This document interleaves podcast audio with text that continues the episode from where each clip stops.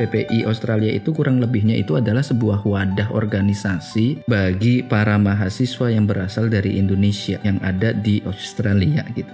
PPI Australia itu ibaratnya sama kayak BEM kampus